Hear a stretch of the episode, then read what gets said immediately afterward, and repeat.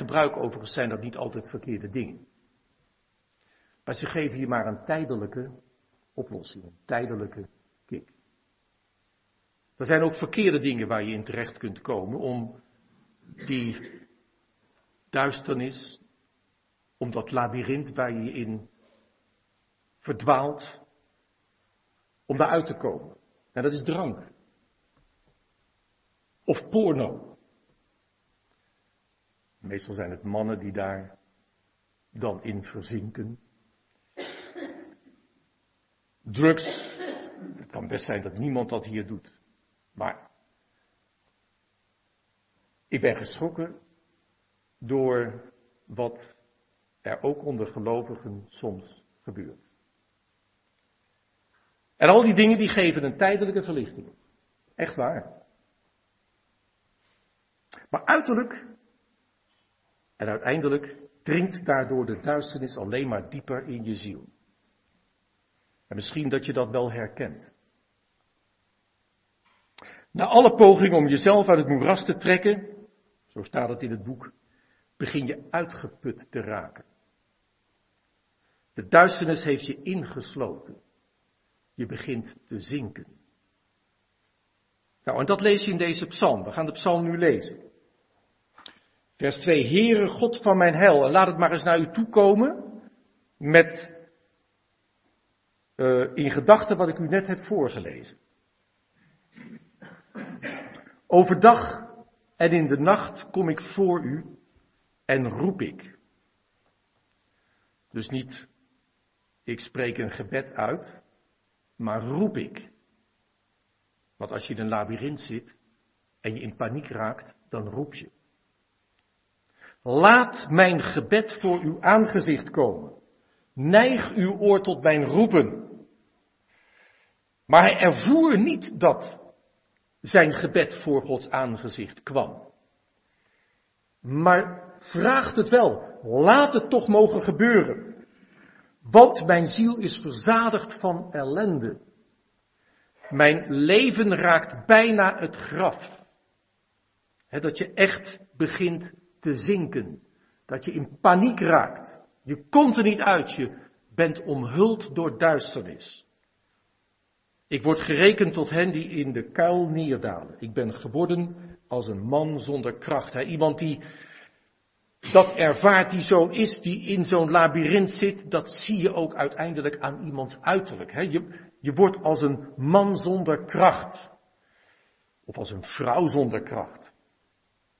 Afgezonderd onder de doden, net als de gesneuvelden die in het graf liggen. Daar denkt u niet meer aan. Zij, en dat mag je dan even omcirkelen, zijn afgesneden van uw hand. Maar gelukkig zo erg is het niet met deze psalmist. Hij was nog niet afgesneden, maar ervoer dat misschien wel zo. U hebt mij, vers 7, in de onderste kuil gelegd. In duistere oorden, in diepten.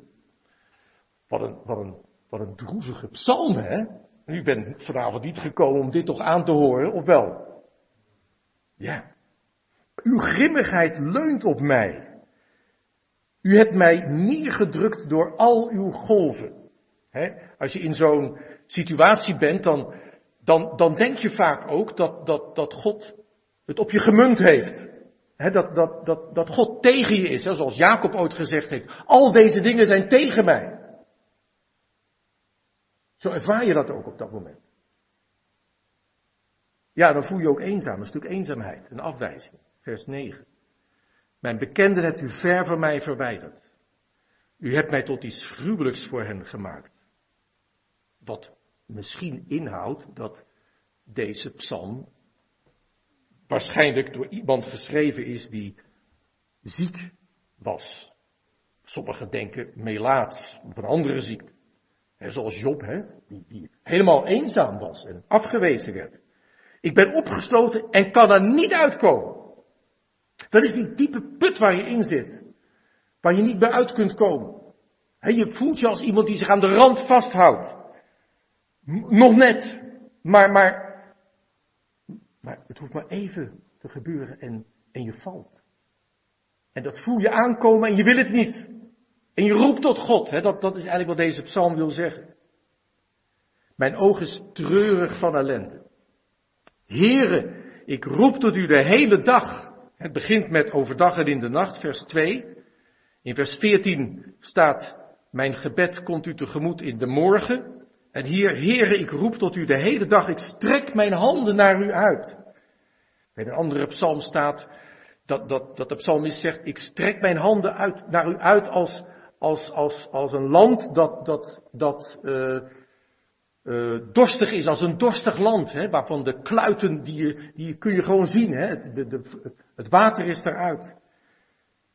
En dan ja, zou u wonderen doen aan de doden? Zou de gestorvenen opstaan en u loven? Zou er van uw goede tierenheid in het graf verteld worden, van uw trouw in het verderf? Nee, Heer, ik wil leven. Zou uw wonderen bekend worden in de duisternis, uw gerechtigheid in het land van vergetelheid? Ik echter, ik roep tot u, Heer. Mijn gebed komt u tegemoet in de morgen. Heer, waarom verstoot u mijn ziel? Waarom verbergt u uw aangezicht voor mij? Ellendig ben ik en stervende van mijn jeugd af. Ik draag uw bedreigingen. Ik ben radeloos. Onvoorstelbaar als iemand radeloos is. Dat is niet het onderwerp vanavond hoop, maar het is wanhoop. Ik ben radeloos. Ik zie, ik, ik, zie geen, geen, geen licht meer aan het eind van de tunnel.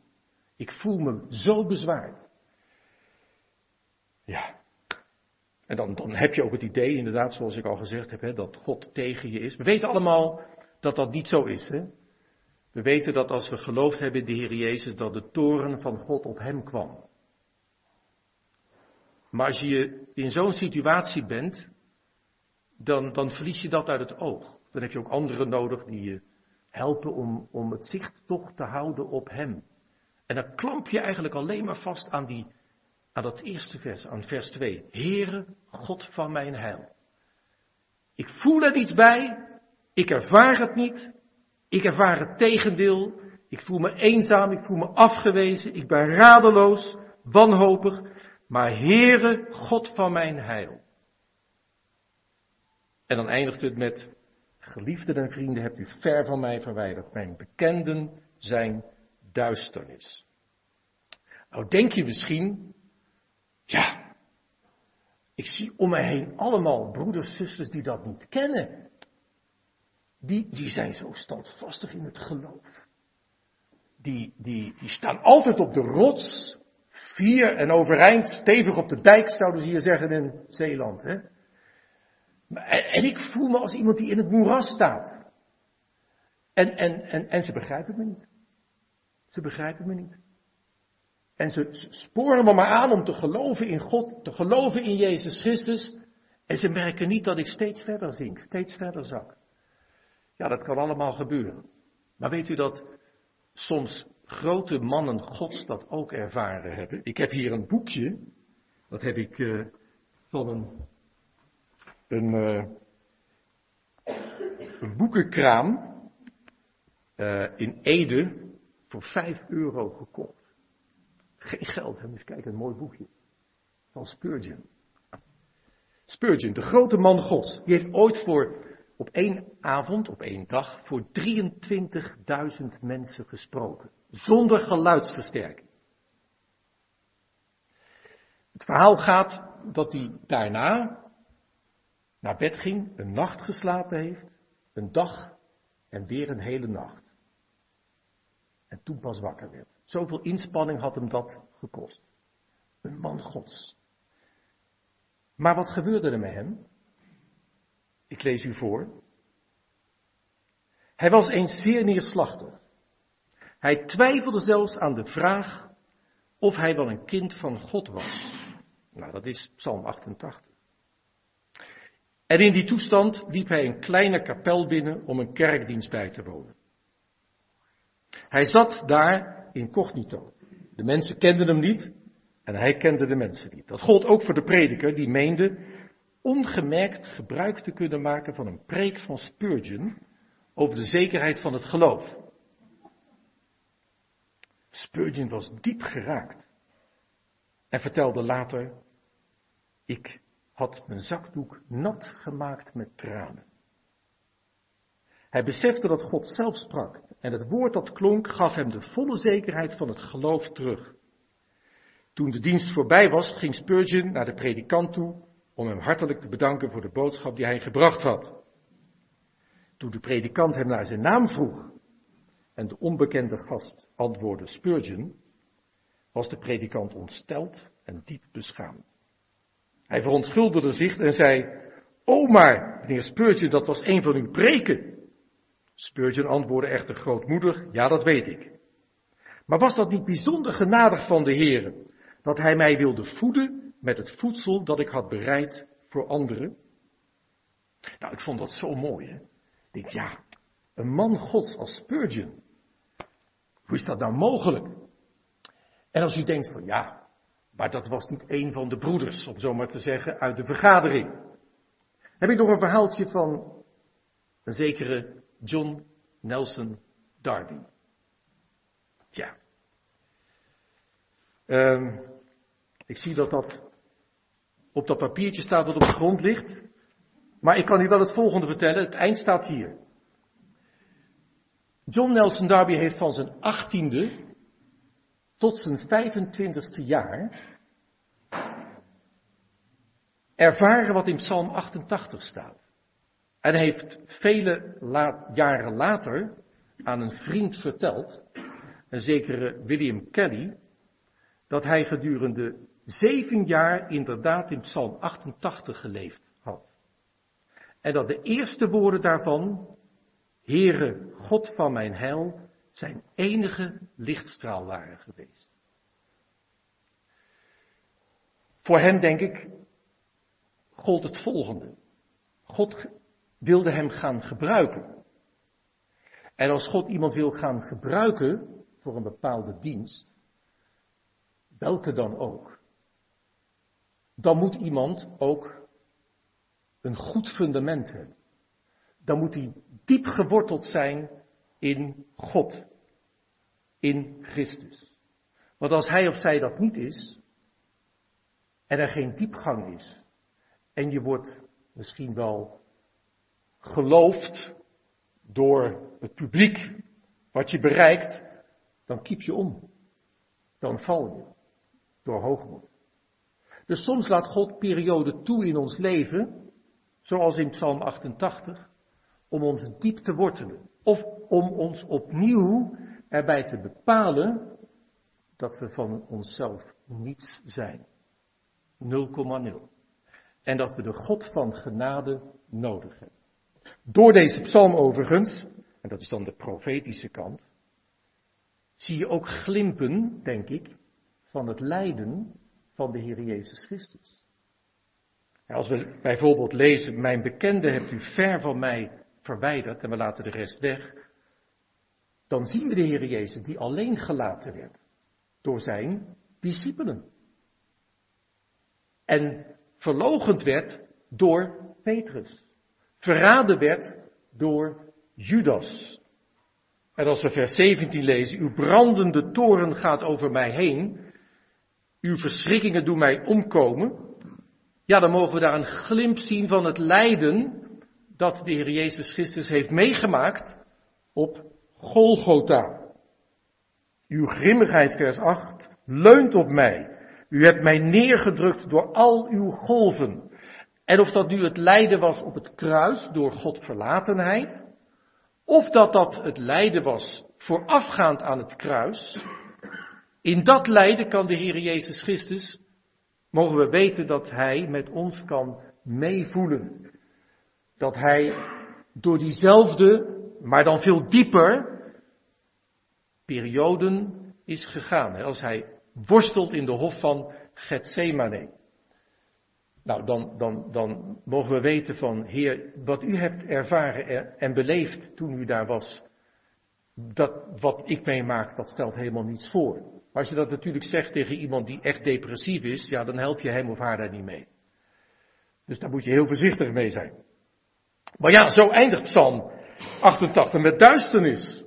Moeten we gauw naar het licht toe, naar Psalm 42, want vanuit de duisternis zie je dan dat, en zo wil ik het maar eventjes aan elkaar plakken, zie je dan dat iemand gaat schreeuwen naar God.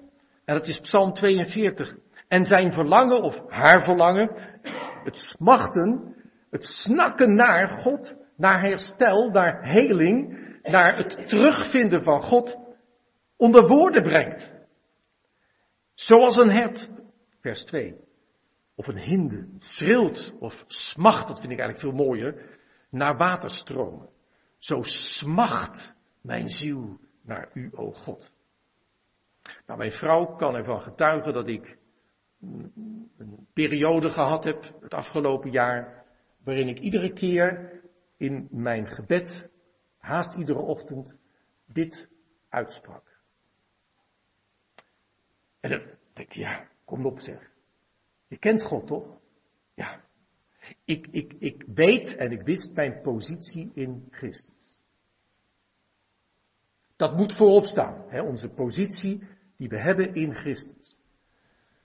Maar de ervaring van de, het contact, het, het, de omgang met God, de diepte daarvan. Dat verlangen, dat, dat werd op een of andere manier in mij geboren. Van Heere God, ik wil dat. Meer hebben dan tot nu toe. Ja, en dan, dan, dan is dit iets wat je tot je eigen woorden maakt. Mijn ziel smacht naar waterstromen. Mijn ziel smacht naar u, o God. Wanneer zal ik komen om voor Gods aangezicht te verschijnen? Wanneer zal ik dat mogen proeven? Meer dan ik het tot nu toe geproefd heb, gesmaakt heb, ervaren wat ik zo graag wil. Wanneer zal dat in vervulling mogen gaan? Wat u alleen wilt mijn hart vervullen, hebben we gezongen. Ik wil aan u echt genoeg hebben, o God. Dus zo kan een gelovige ook nu dat ervaren. Ik heb het wel eens zo gezegd. Die positie die we hebben in Christus kun je vergelijken met bijvoorbeeld het trouwboekje wat mijn vrouw en ik hebben. En als ik dat hier zou neerleggen, dan zou je het mogen inkijken. Dan zou je inderdaad zwart op wit kunnen zien, wij zijn getrouwd. Maar goed, als ik nadat we getrouwd zijn, nooit heb ervaren wat het betekent om getrouwd te zijn. In de goede zin van het woord dan, hè? Hoe gelukkig je kunt zijn. En wat dat allemaal betekent. En dat je groeit in, in liefde tot elkaar, in genegenheid tot elkaar. Ja, dan, dan, dan ben je nog steeds getrouwd. Ja, je bent nog steeds getrouwd. Dat is allemaal goed. Maar daar moeten we ons natuurlijk niet mee tevreden stellen als je getrouwd bent. Dan wil je er ook iets van ervaren toch. En graag zoveel mogelijk. En zo is het ook in het leven met God. Je wil graag, ja, dat, dat, dat, dat hebben, dat, dat kunnen ervaren. Zoals een hinde smacht naar de waterstromen, zo smacht mijn ziel naar u, o God. Ik zei vanavond toen ik hier naartoe reed tegen mijn vrouw Gerda, ik hoop dat ik het vanavond droog kan houden. En bedoelde ik dit mee dat ik niet op een of andere manier door emoties word overmand. Dat lees je hier. Mijn tranen zijn mij tot voedsel, dag en nacht. Omdat ze de hele dag tegen mij zeggen, waar is uw God? Zo kan het zijn dat je overmand wordt of overvrouwd wordt door emoties. Dat je niet droog kunt houden. Denk ik allemaal, ervaren we dat wel eens. In dat smachten, in dat verlangen. Want je, je, je, je weet nog goed hoe het was. Hoe het ooit was. Toch? En die momenten van grote vreugde, van blijdschap. Vers 5. Hieraan denk ik en ik stort mijn ziel in me uit hoe ik meeging in de stoet en met het optrok naar Gods huis onder luide vreugdegezangen, lofliederen, een feestvierende menigte. Misschien dit hier iemand zit of meerdere die, als ze naar de samenkomst gaan, eigenlijk zuchtend gaan en zeggen, ja, ik voel er niks meer bij. Ik ervaar het helemaal niet meer. Maar ik heb het wel gekend. Ik heb het wel gekend. En nu is het weg op een of andere manier. En als je dan tegen me zegt van, ja, maar je bent toch een christen? Dan zeg ik, ja, dat ben ik ook. En ik weet ook dat ik naar de hemel ga. Maar er is iets, wat ook, weet het niet, het kan zijn dat je lange tijd ziek geweest bent. Of in verwarring geraakt bent. Hè, door, door alles wat er om je heen gebeurt in deze wereld. Of misschien wel in verwarring gebracht bent door allerlei wind van leer. Dat je de weg gewoon kwijt bent. maar toch die hunkering naar God hebt, diep in je hart. En dan is het zo mooi dat dan die hoop toch weer weer klinkt. Wat buigt u zich neer, mijn ziel, en bent u onrustig in mij. Dus je praat dan even tegen je eigen ziel, zo zeg ik het altijd maar. En dan zeg je tegen je eigen ziel, hoop op God. Of je zegt het zelf, natuurlijk. Want ik zal hem weer. Het komt goed. Het komt goed. Ook daarmee moet je voorzichtig zijn als iemand uh, in zo'n depressieve periode is. Dat je zegt van het komt goed hoor. En dan weer naar huis gaat zo van het komt goed. Maar je mag dat wel weten. Het komt goed. Het komt echt goed. Hoop op God, want ik zal hem weer loven. Het psalmen van hoop. Voor de volkomen verlossing van mijn aangezicht. Nou, dat kan op verschillende manieren vertaald worden. Ik vind het niet altijd makkelijk om dat zo te lezen zoals het hier staat. Uh, het kan ook vertaald worden met mijn God die mij ziet en redt. Of zoals de MBG zegt, mijn verlosser en mijn God. Maar hier wordt de volkomen verlossing. Ja, inderdaad, de volkomen verlossing. Nou, je ziet dat deze ziel ook ergens anders is, niet naar Jeruzalem kan gaan, dus niet de plek van aanbidding meer kan bezoeken. Nou, zo kan het zijn dat iemand een tijd lang de samenkomsten, de kerkdiensten niet meer kan bezoeken, maar wel die hunkering heeft, doordat hij op reis is, of doordat je ziek bent, of doordat er omstandigheden in je leven zijn waardoor het helemaal niet kan. Je hoeft maar te denken aan mensen in Noord-Korea of in andere plekken op deze wereld die niet kunnen gaan naar die plek waar ze zo graag zouden willen zijn om samen met de gelovigen God te prijzen en te eren. Watervloed roept tot watervloed. Hij is bij het Hermongebergte, hè, daar heb je dan de, de waterval. En hij hoort dat en hij wordt direct ook op zichzelf geworpen. Al uw baren en uw golven zijn over mij heen gegaan, zo voel je dat. Maar hier zie je ook weer, denk ik, contouren, een glimp van het lijden van de Heer Jezus Christus. Al uw baren en uw golven zijn over mij, zijn over hem heen gegaan. De straf die ons de vrede aanbrengt was op hem. Door zijn striemen is ons genezing geworden. Wij alle, hè, u en ik, dwaalden als schapen. Wij wenden ons ieder naar onze eigen weg. Maar de Heer heeft ons aller ongerechtigheid op hem doen neerkomen.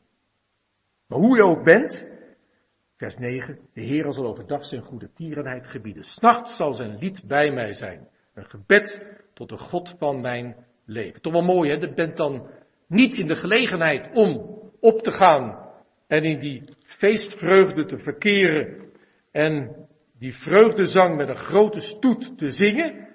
Maar je bent alleen, je bent eenzaam, je bent verlaten, je bent misschien in de gevangenis, misschien in een andere gevangenis dan een letterlijke gevangenis, maar dan toch, heren, uw goede tierenheid. Die gebiedt u. En s'nachts, ondanks alles wat er gebeurt, zal uw lied bij mij zijn. Je ziet het bijvoorbeeld bij Paulus hè, in de kerker, in de gevangenis. Hij zingt en prijst God. En dan, dan zie je dat zodra hij God prijst samen met Silas, dat er een aardbeving komt en dat de kerker open gaat, de boeien losgaan. En zo kan lofprijzing, als we daartoe in staat zijn, ons uiteindelijk boven de omstandigheden verheffen. Ik zeg tegen God, mijn God, waarom vergeet u mij? Waarom ga ik in het zwart gehuld door de onderdrukking van de vijand? Met een doodsteek in mijn beenderen houden mijn tegenstanders mij. Dat betekent met woorden van haat. Dat is een idioom, een, een, een, een, een, manier van zeggen, wat in, in, in, een doodsteek in mijn benen, dolksteken, hè, een, hatelijke woorden, honen mijn tegenstanders mij, omdat ze de hele dag tegen mij zeggen, waar is uw God? En dan opnieuw, wat buigt u zich neer, mijn ziel? Enzovoort. We moeten verder. Leven. Ik hoop dat u kunt zeggen, ja, dat heb ik. Leven heb ik ontvangen. En, en mijn smachten is vervuld geworden. En dat wordt iedere keer meer natuurlijk. Hè. Dat zijn perioden in je leven waar je doorheen gaat. Wordt veranderd van heerlijkheid tot heerlijkheid. Je gaat voort van kracht tot kracht. En dan zie je in vers hoofdstuk 43, uh, Psalm 43, dat hij ook leiding ontvangt. Zend uw licht en uw waarheid, laten die mij leiden. Mij brengen naar uw heilige bergen, naar uw woningen, zodat ik kan gaan tot Gods altaar. weer kan gaan tot Gods altaar, door, door God mijn jubelende vreugde en u loven met de citer. O God, mijn God. Leiding hebben we nodig. Mooi hè, dat God zijn licht en waarheid zendt en zenden wil. Nou, dat licht, ja, dat is de Heer Jezus Christus. Hè? Hij is het licht van de wereld, Johannes 8, vers 12. Die mij volgt zal nooit meer in de duisternis wandelen. Hij is de waarheid. Ook het woord is de waarheid. En licht en waarheid geleiden mij naar de plek waar God wil dat we Hem aanbidden. En als je zo'n plek nog niet gevonden hebt, dat kan. Hè, dat je in verwarring bent door wat er allemaal gebeurt om je heen, ook op het christelijk erf. En helemaal niet meer naar de samenkomsten gaat, dan alleen af en toe op het internet een preek hoort en dan weer. Maar als u zegt, Heer zet u licht in uw waarheid. Ik weet dat het belangrijk is om als gelovigen samen te komen. Wilt u ons leiden? Wilt u mij leiden en brengen naar de plek waar u aanbeden wordt? Nou, dan doet God het. En dan brengt u ons naar de heilige berg. Tot die tijd moeten we ook gelouterd worden. En dat is Psalm 44. Lange psalm. En ik kan hem natuurlijk niet meer behandelen, want we zijn al aardig op streek. Staat boven, niet geïnspireerd, maar wel geeft het, denk ik, vat het mooi samen. De psalm klacht van het verstoten volk. Nog een kwartier. Oké. Ik heb dus nog een kwartier. Oké. Goed. Uh, je kunt die psalm in uh, twee delen opsplitsen. En dan is het eerste deel vers 2 tot en met vers 9. En het eerste deel is echt heel mooi en positief. Vers 2. O God, met onze oren hebben wij het gehoord. Onze vader hebben het ons verteld.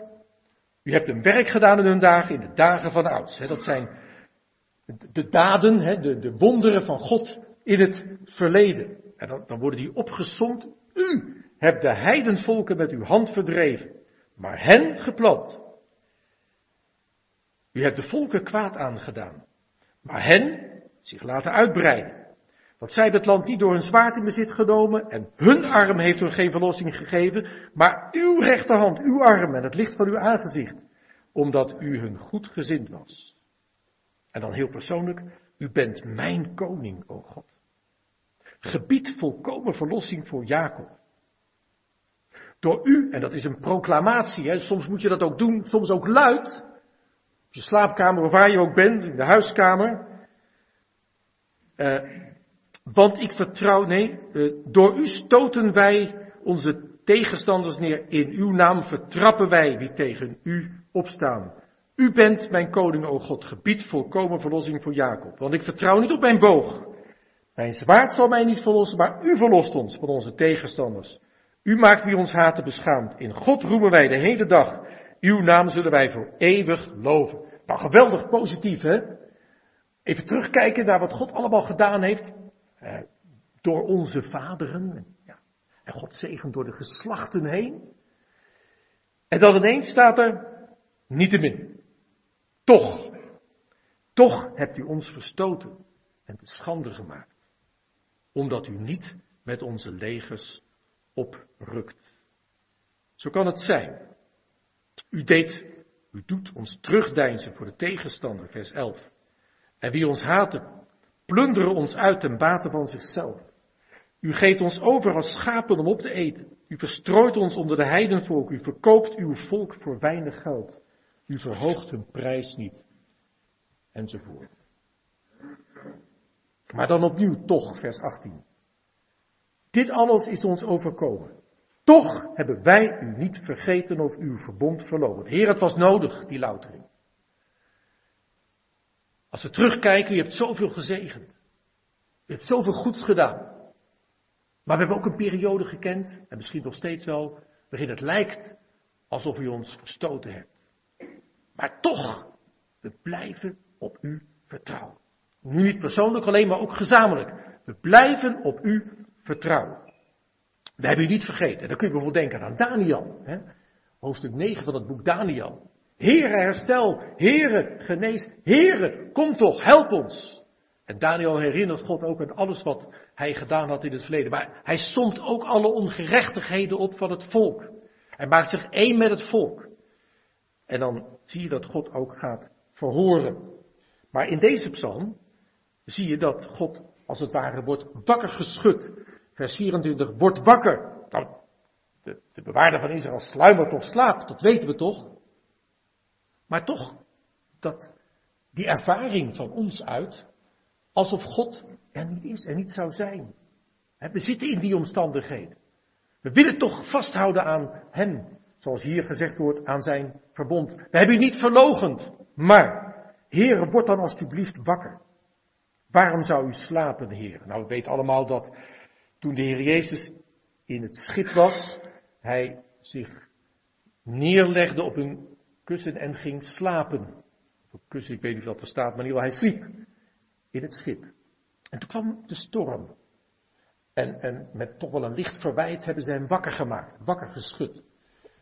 Nou, God wil ons ook horen roepen. Ontwaak, verstoot ons niet voor altijd. Vers 27, sta op, ons te hulp. Verlos ons omwille van uw goede tierenheid. Maar er is altijd hoop, hè?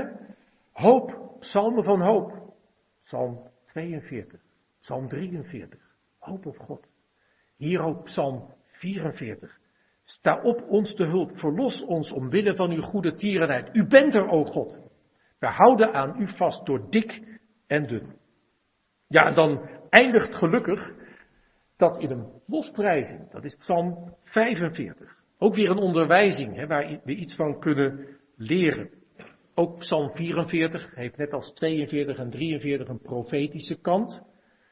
Daar wil ik vanavond niet over nadenken. Je moet een keus maken. Het is wel heel mooi om daarover na te denken.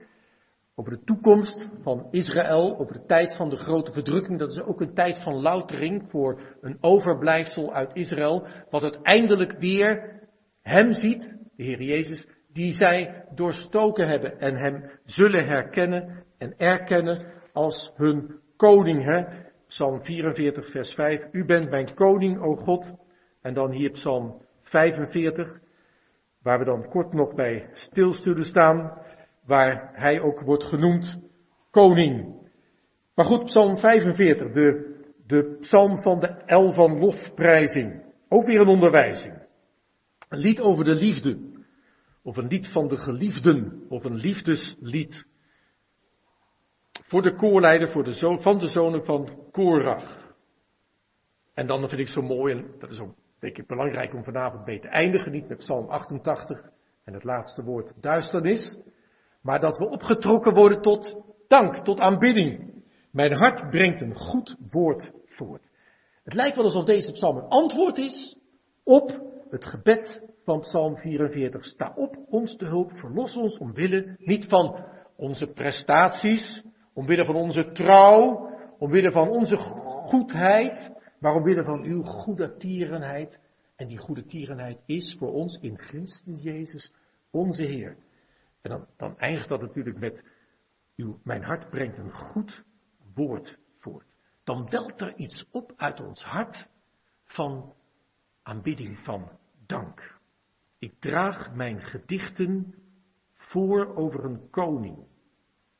Mijn tong is een pen, een metalen stift of een, of schrijfriet van een vaardige schrijver. En wat zegt hij dan? En dat mogen wij ook zo zeggen. U bent veel mooier dan de mensenkinderen. Hij is vol van genade en waarheid. Toen hij sprak, sprak hij woorden van genade. De Heer Jezus Christus. En in Johannes 1 staat dat er genade op genade. Dat betekent de ene golf genade na de andere golf genade is in hem, door hem, de Heer Jezus, geworden. U bent veel mooier dan de mensenkind. Alles aan hem is goed en schoon. Genade is op uw lippen uitgegoten.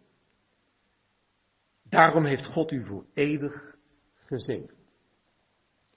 Ja, en dan wordt hier gezegd, en dat wordt dan geuit door de psalmist, de zonen van Korach, Gord uw zwaard aan de heup, o held. Een oproep om te verschijnen voor ons nu in heerlijkheid. De Heer Jezus Christus zal komen. Hij zal een einde maken aan alle ongerechtigheid in deze wereld. En in de toekomst zal dat gelovig deel, die rest uit Israël, daar ook om bidden, om smeken. Rijd voorspoedig uit in uw glorie. En we mogen, denk ik, ook denken, niet alleen aan zijn verschijning in heerlijkheid nu, maar ook dat God nu door zijn kinderen, dat God, dat de Heer Jezus door zijn volk hier op aarde iets wil laten zien van zijn heerlijkheid, hier op deze aarde, zolang wij hier nog zijn. En dan mogen we weten dat God aan onze, of wij aan zijn kant mogen staan. Rijd voorspoedig uit in uw glorie, op het woord of voor de zaak van waarheid, zachtmoedigheid en gerechtigheid. Nu is het dat uh, hij uh, regeert door genade. De genade regeert door gerechtigheid, zegt Johannes, of uh, Romeinen hoofdstuk 6. En dan zal de gerechtigheid heersen. Maar nu heerst de genade. Dus wij gaan niet nu met, met een letterlijk zwaard de vijand tegemoet. Maar de genade heerst door gerechtigheid. Er is voldaan aan de prijs die moest worden betaald. En nu heerst de genade. En dat wordt zichtbaar in ons, in u en in mij. Overal waar wij zijn, schijnt licht. Schijnt licht. Maar in de toekomst zal dat op een andere manier gaan. Dan zal het inderdaad gaan met ontzagwekkende daden. Dan zal God moeten, dan zal de Heer Jezus moeten oordelen. Vers 6, uw pijlen zijn scherp, ze treffen het hart van de vijanden van de koning. Volken zullen onder u vallen. Nou, u hoeft maar te lezen in de profeten van het Oude Testament, maar ook in het boek de Openbaring, dat als de Heer Jezus terugkomt, hè, in Openbaring 19, hoe dat gaat. Onvoorstelbaar. En wij zullen hem volgen op witte paarden. Op het woord van waarheid, zachtmoedigheid en gerechtigheid. Alsof wij op paarden zitten. Nou, we worden herinnerd aan wat in de brief aan de Hebreeën staat. Uw troon, o God, vers 7, bestaat voor eeuwig en altijd. De scepter van uw koninkrijk is een scepter van rechtvaardigheid. U hebt gerechtigheid lief en haat goddeloosheid. Daarom heeft uw God u gezalfd, o God, met vreugdeolie boven uw metgezellen. Nou, wij zijn, denk ik, anderen denken er anders over, die metgezellen van de Heer Jezus Christus. We zullen met hem verschijnen, zegt Colosse 3, uh, 1 Thessalonicense 3 vers 13 uh, en, en 4 vers 13 dacht ik, we zullen met hem verschijnen in heerlijkheid. Wij zijn en zullen zijn metgezellen zijn. Nou, dan wordt er iets gezegd over de kleding van de koning. Het eerste gedeelte van deze psalm, vers 1 tot en met 10, gaat over de koning. En het tweede gedeelte gaat over de koningin. Vers 11. Luister, dochter, en zie en neig uw oor, vergeet uw volk en het huis van uw vader. Dan zal de koning verlangen, of laat de koning uw schoonheid begeren. Dan zal de koning verlangen naar uw schoonheid, omdat hij uw Heer is. Buig u voor hem neer. Hij heeft ook een aards, een aardse bruid. En dat is Jeruzalem. Dat is Israël. Zoals de Heer Jezus ook een hemelse bruid heeft. En dat is de gemeente. Wij zijn de metgezellen die met hem verscheiden vanuit de heerlijkheid. Maar hier, vanaf vers 11, is het, en gaat het over de aardse bruid, over Israël, over Jeruzalem. Dat zal worden hersteld. Ook nog even een praktische toepassing. Ik weet van iemand die de opdracht kreeg van God om naar het buitenland te gaan, vanuit Nederland, om zending te bedrijven. Maar zijn vrouw sputte er tegen. En toen op een dag werd het voor zijn vrouw duidelijk, wat staat in vers 11. Vergeet uw volk en het huis van uw vader.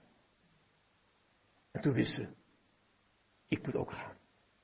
Ik ga met hem mee. Zo zie je dat God zijn woord voor alles en nog wat kan gebruiken om iemand een weg te leren. Maar goed, kijk, deze bruid moest ook haar volk en het huis van haar vader vergeten.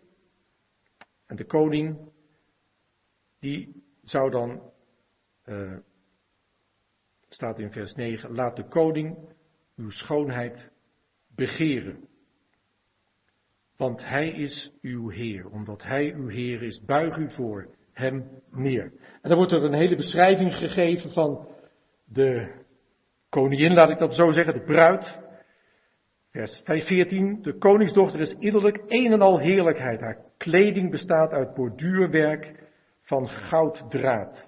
In kleurrijk geborduurde kleding wordt ze naar de koning geleid. Jonge meisjes, haar vriendinnen in haar gevolg worden bij u gebracht. Ze worden geleid in grote blijdschap en vreugde. Ze gaan het huis, het paleis van de koning binnen. Nou, als je daarbij dan het boek Hooglied leest, uh, en, en, en nog andere gedeelten uit de Bijbel, dan zie je wat een geweldige toekomst Israël tegemoet gaat. Als de bruid van de koning. Van de Heer Jezus Christus, die als koning zal verschijnen voor zijn volk. Uw zonen, de zonen van de koning, zullen de plaats van uw vaderen innemen. Maar misschien moet je mag zeggen, ja, dat de Heer Jezus vele zonen tot heerlijkheid heeft geleid. Dat, dat wij misschien wel die zonen zijn, die de plaats zullen innemen van uw vaderen. U zult hen tot vorsten aanstellen over heel de aarde. Er zal ook sprake zijn van een regering vanuit de hemel. En dan spreekt de Messias, de koning zelf, ik zal van uw naam, ik zal uw naam in herinnering roepen bij alle generaties.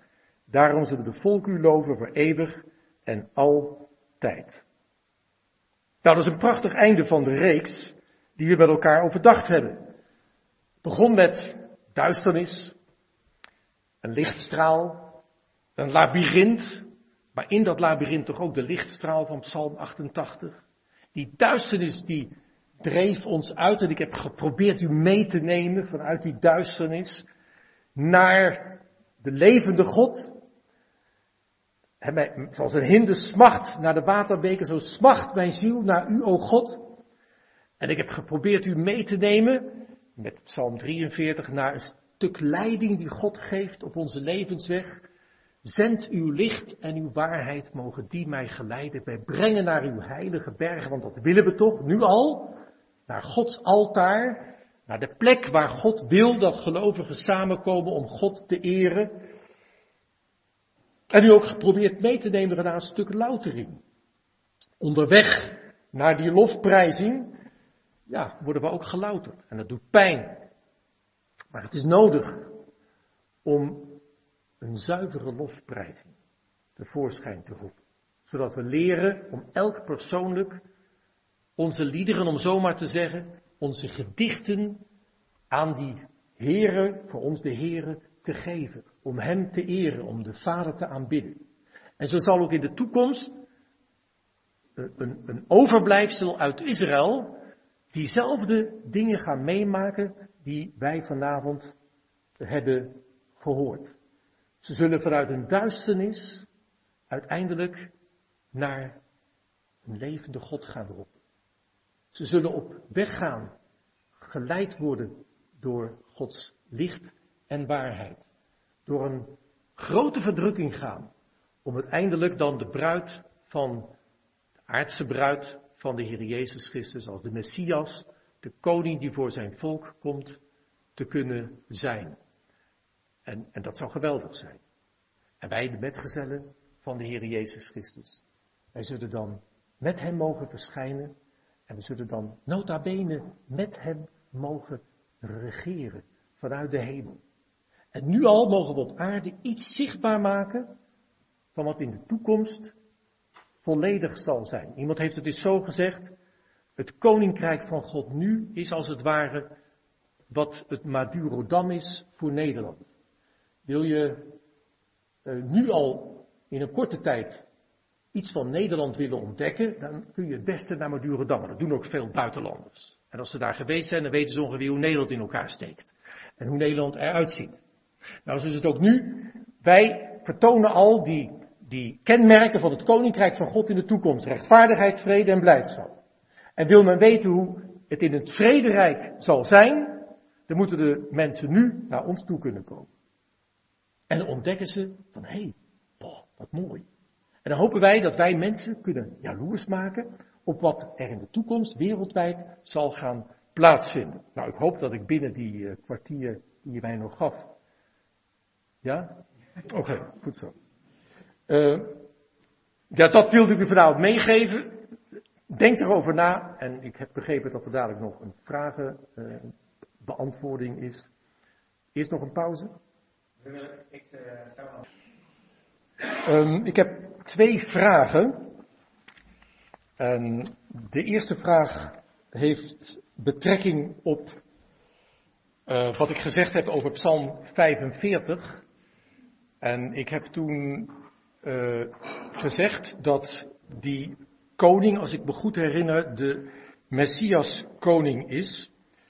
En de vraag betreft het volgende. Ik heb altijd gedacht, zei iemand, dat um, God in het Oude Testament de bruidegom is en Israël de bruid en dus niet de Messias. En daarbij hoorde dan een gedeelte uit het boek Hosea. En daar staat dat inderdaad ook. In Hosea uh, zien we in hoofdstuk 2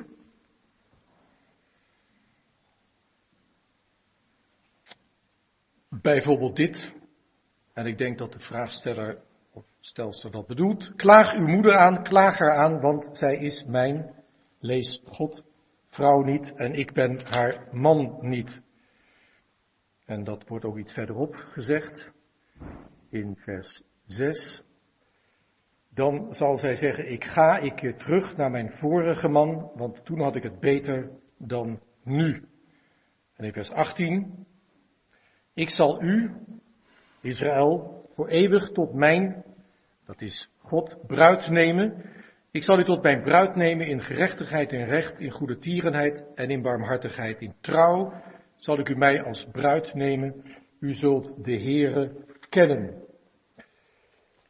Um, ja, ik heb toen in Psalm 45, dat ging even snel, die psalm, eh, dat heb u wel begrepen uh, vooral toegepast op ons persoonlijk leven. En uh, als het, de, de, de climax eigenlijk van de avond, de lofprijzing die uiteindelijk plaatsvindt als wij door al die fasen zijn heen gegaan die we vanavond met elkaar overdacht hebben.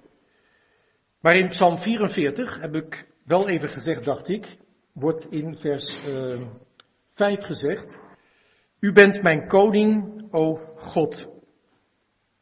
Dat is dan persoonlijk, uh, maar misschien dat die, uh, de zonen van Korach, uh, dan spreken namens het volk.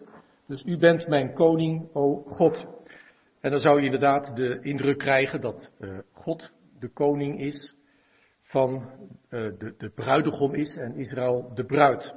Maar in hoofdstuk 45, of Psalm 45, zie je dat er sprake is van iets wat in het Nieuwe Testament duidelijk slaat op de Heer Jezus, vers 7. Uw troon, o God, bestaat eeuwig en altijd. De scepter van uw koninkrijk is een scepter van rechtvaardigheid.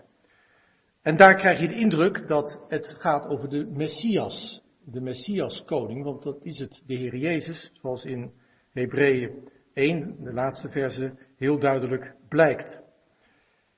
En dan vers 12, dan zal de koning, dus de Messias koning, verlangen naar uw schoonheid, of laat de koning, dat is dan de NBG, uw schoonheid begeren, want hij is uw Heer, dat is Adonai, hij is uw Heere, buig u voor hem. Dus dan denk ik dat je zegt, kunt zeggen dat hier de Messias bedoeld wordt als de koning, en misschien dat je dan moet denken aan Jeruzalem, niet alleen aan Israël, want, zei de vraagstelster, in het Nieuwe Testament zie je toch heel duidelijk dat de Heer Jezus de bruidegom is en dat wij de bruid zijn. Nou, dat klopt ook. Dat blijkt uit het boek Openbaring, maar ook uit de brief aan de Efeziërs, uh, 2 Korinthe 10 geloof ik, of 11, de eerste versen. Dus dat is waar. Uh, alleen God heeft niet alleen een, of laat ik het anders zeggen, de Heer Jezus Christus heeft niet alleen een hemelsvolk, dat is de gemeente, maar ook een aardsvolk. He, in, uh, kijk, in het Johannesevangelie, daar wordt gezegd in hoofdstuk 18, door, daar wordt de vraag gesteld door Pilatus aan de Heer Jezus, bent u dus toch een koning? En dan is het antwoord van de Heer, u zegt het, ik ben een koning. En iets verderop, hoofdstuk 19, vers 3, daar wordt door de soldaten gezegd, gegroet, koning der Joden.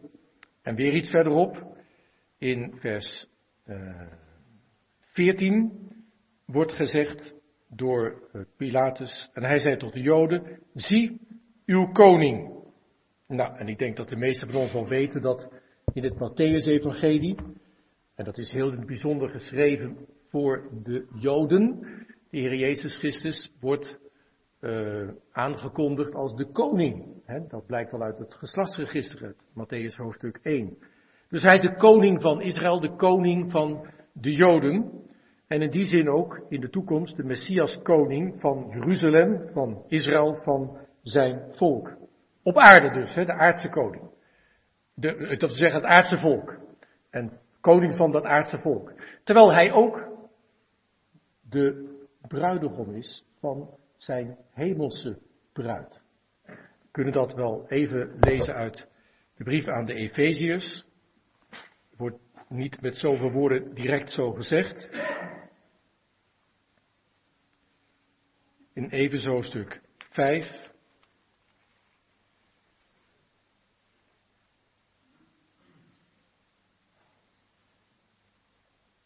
Vers 24.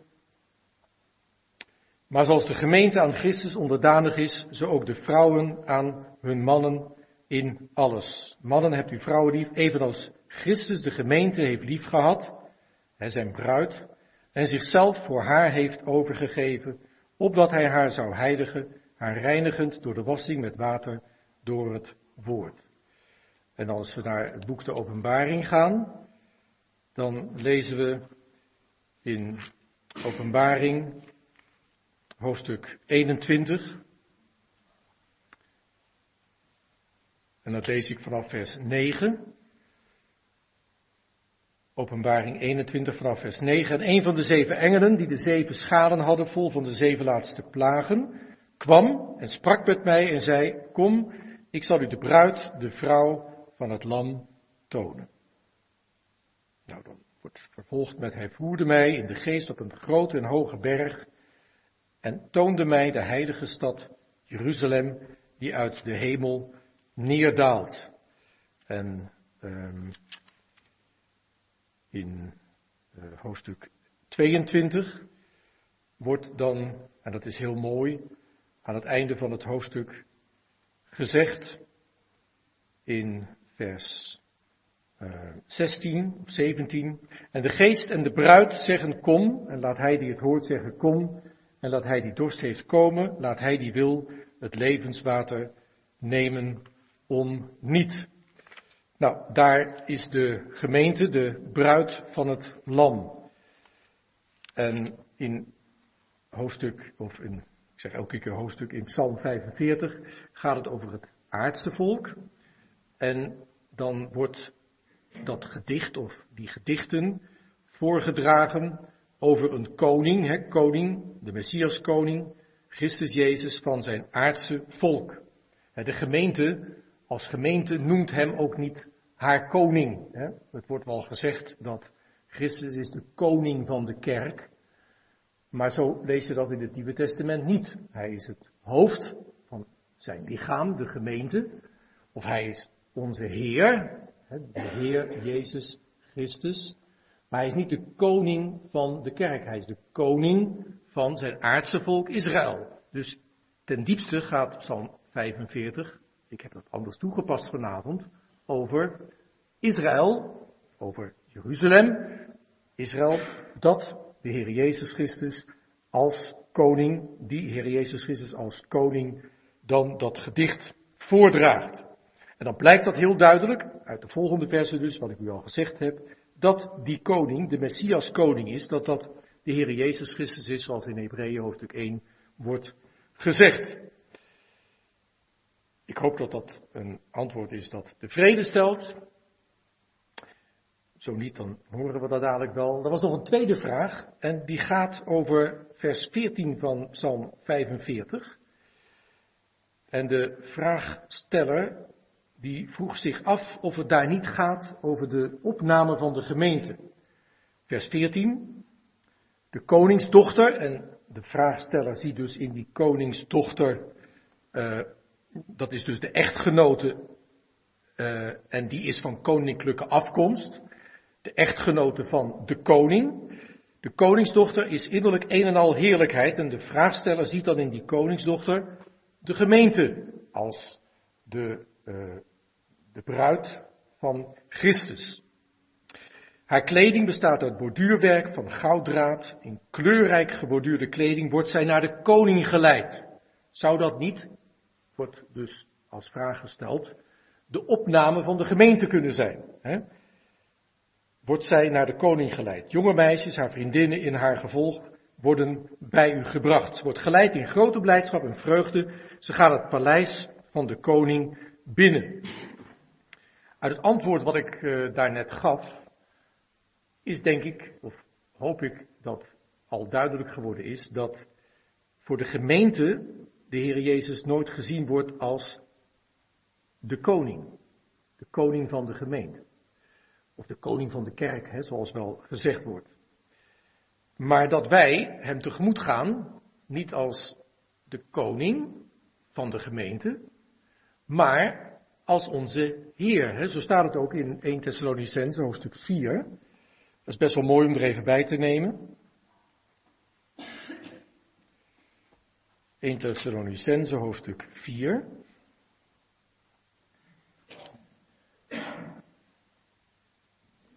Waaruit ook mijn zinziens duidelijk wordt dat het hier dus niet kan gaan over de gemeente. Omdat wat Paulus daar geopenbaard krijgt een verborgenheid was. Die nu overigens geopenbaard is, en wij mogen dat dus weten. 1 Thessalonicense 4, vers 13, en dat sluit aan op hoofdstuk 3, vers 13. Maar we willen niet dat u onwetend bent, broeders, wat betreft hen die ontslapen, omdat u niet bedroefd bent, zoals ook de overigen die geen hoop hebben. Maar als wij geloven dat Jezus is gestorven en opgestaan, en ik hoop dat u dat allemaal gelooft, evenzeer zal God ook de door Jezus ontslapenen met hem brengen. Dat betekent met hem brengen hier op aarde. Want dat blijkt uit vers 13 van hoofdstuk 3, de komst van onze Heer Jezus Christus met al zijn heiligen. Nou, die heiligen, dat zijn de gelovigen. Dat zijn wij, dat is de gemeente. Dus God zal ook de door Jezus ontslapenen met hem brengen. Hè? Wij zullen met hem verschijnen in heerlijkheid.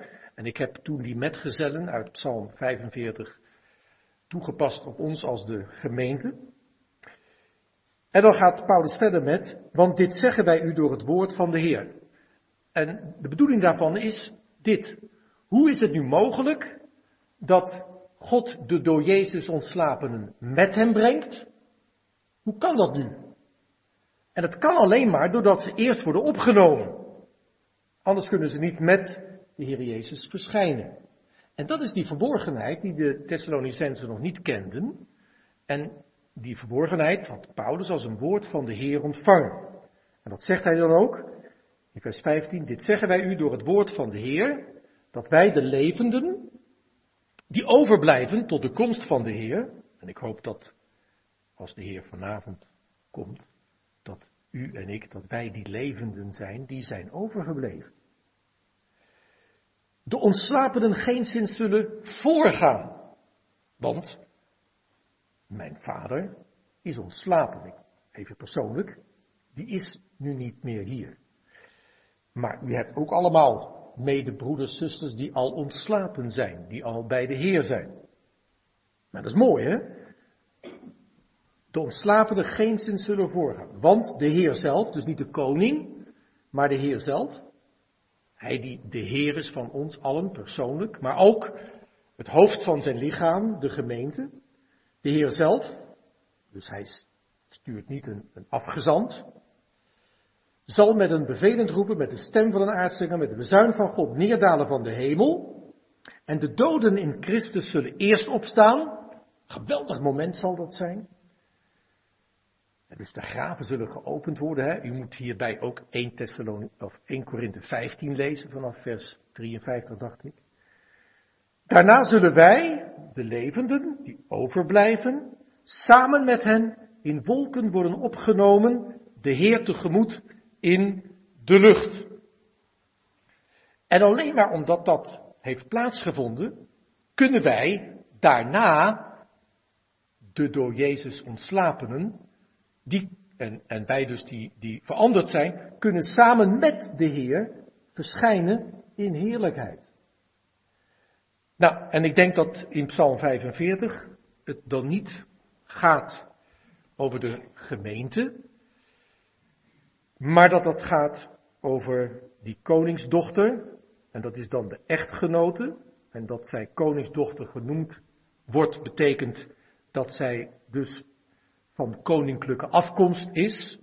De koningsdochter, uh, dat dat dus uh, Israël is, Jeruzalem is, die een en al heerlijkheid is, en die dan voor de koning en naar de koning wordt geleid.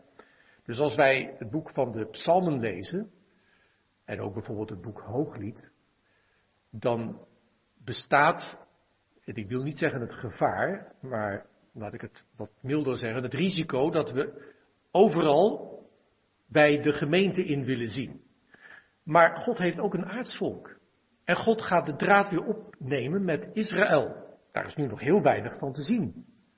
We weten dat Israël hersteld is in het land. Maar leven zij nu even als volk zoals God het graag wenst? Nee.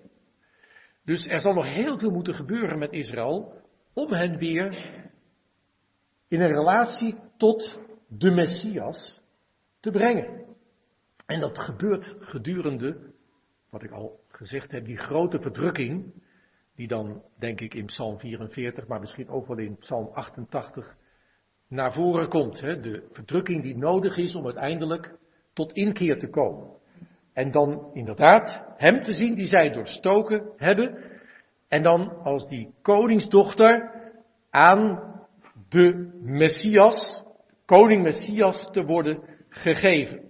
Dus dat is een grote, een dubbele vreugde zou je kunnen zeggen, voor de Heer Jezus Christus. Maar tegelijkertijd, het is waar, God wordt ook gezien als de bruidegom. En dat blijkt uit Hosea, maar trouwens ook uit andere gedeelten. Ik dacht ook uit het boek Jezaja wordt dat ook zo gezegd.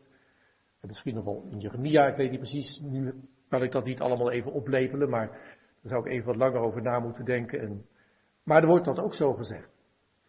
Dus dat zou ik ervan kunnen zeggen en willen zeggen. En ik hoop dat uh, het u allemaal, en een enkeling kan ik aanspreken met jij, ertoe brengt om dat voor jezelf ook nog eens te gaan onderzoeken en erop na te lezen. Ik weet niet of er nog andere vragen zijn. Als dit niet duidelijk is, dan zijn er vast nog wel anderen die het veel duidelijker kunnen zeggen. Uh, kan zijn dat er nog een vraag is. Altijd moeilijk, hè, zo aan plein publiek een vraag stellen. Maar u had een heel mooi getuigenis, broeder. Kunt u dat niet even komen geven? Even kort en bondig. Ik vond het heel mooi wat u zei. Kan misschien anderen helpen. Denk het wel. Komt u maar even hier staan. Ja. Nee, het was niet de bedoeling, maar uh, ik denk dat het anderen kan helpen. Echt.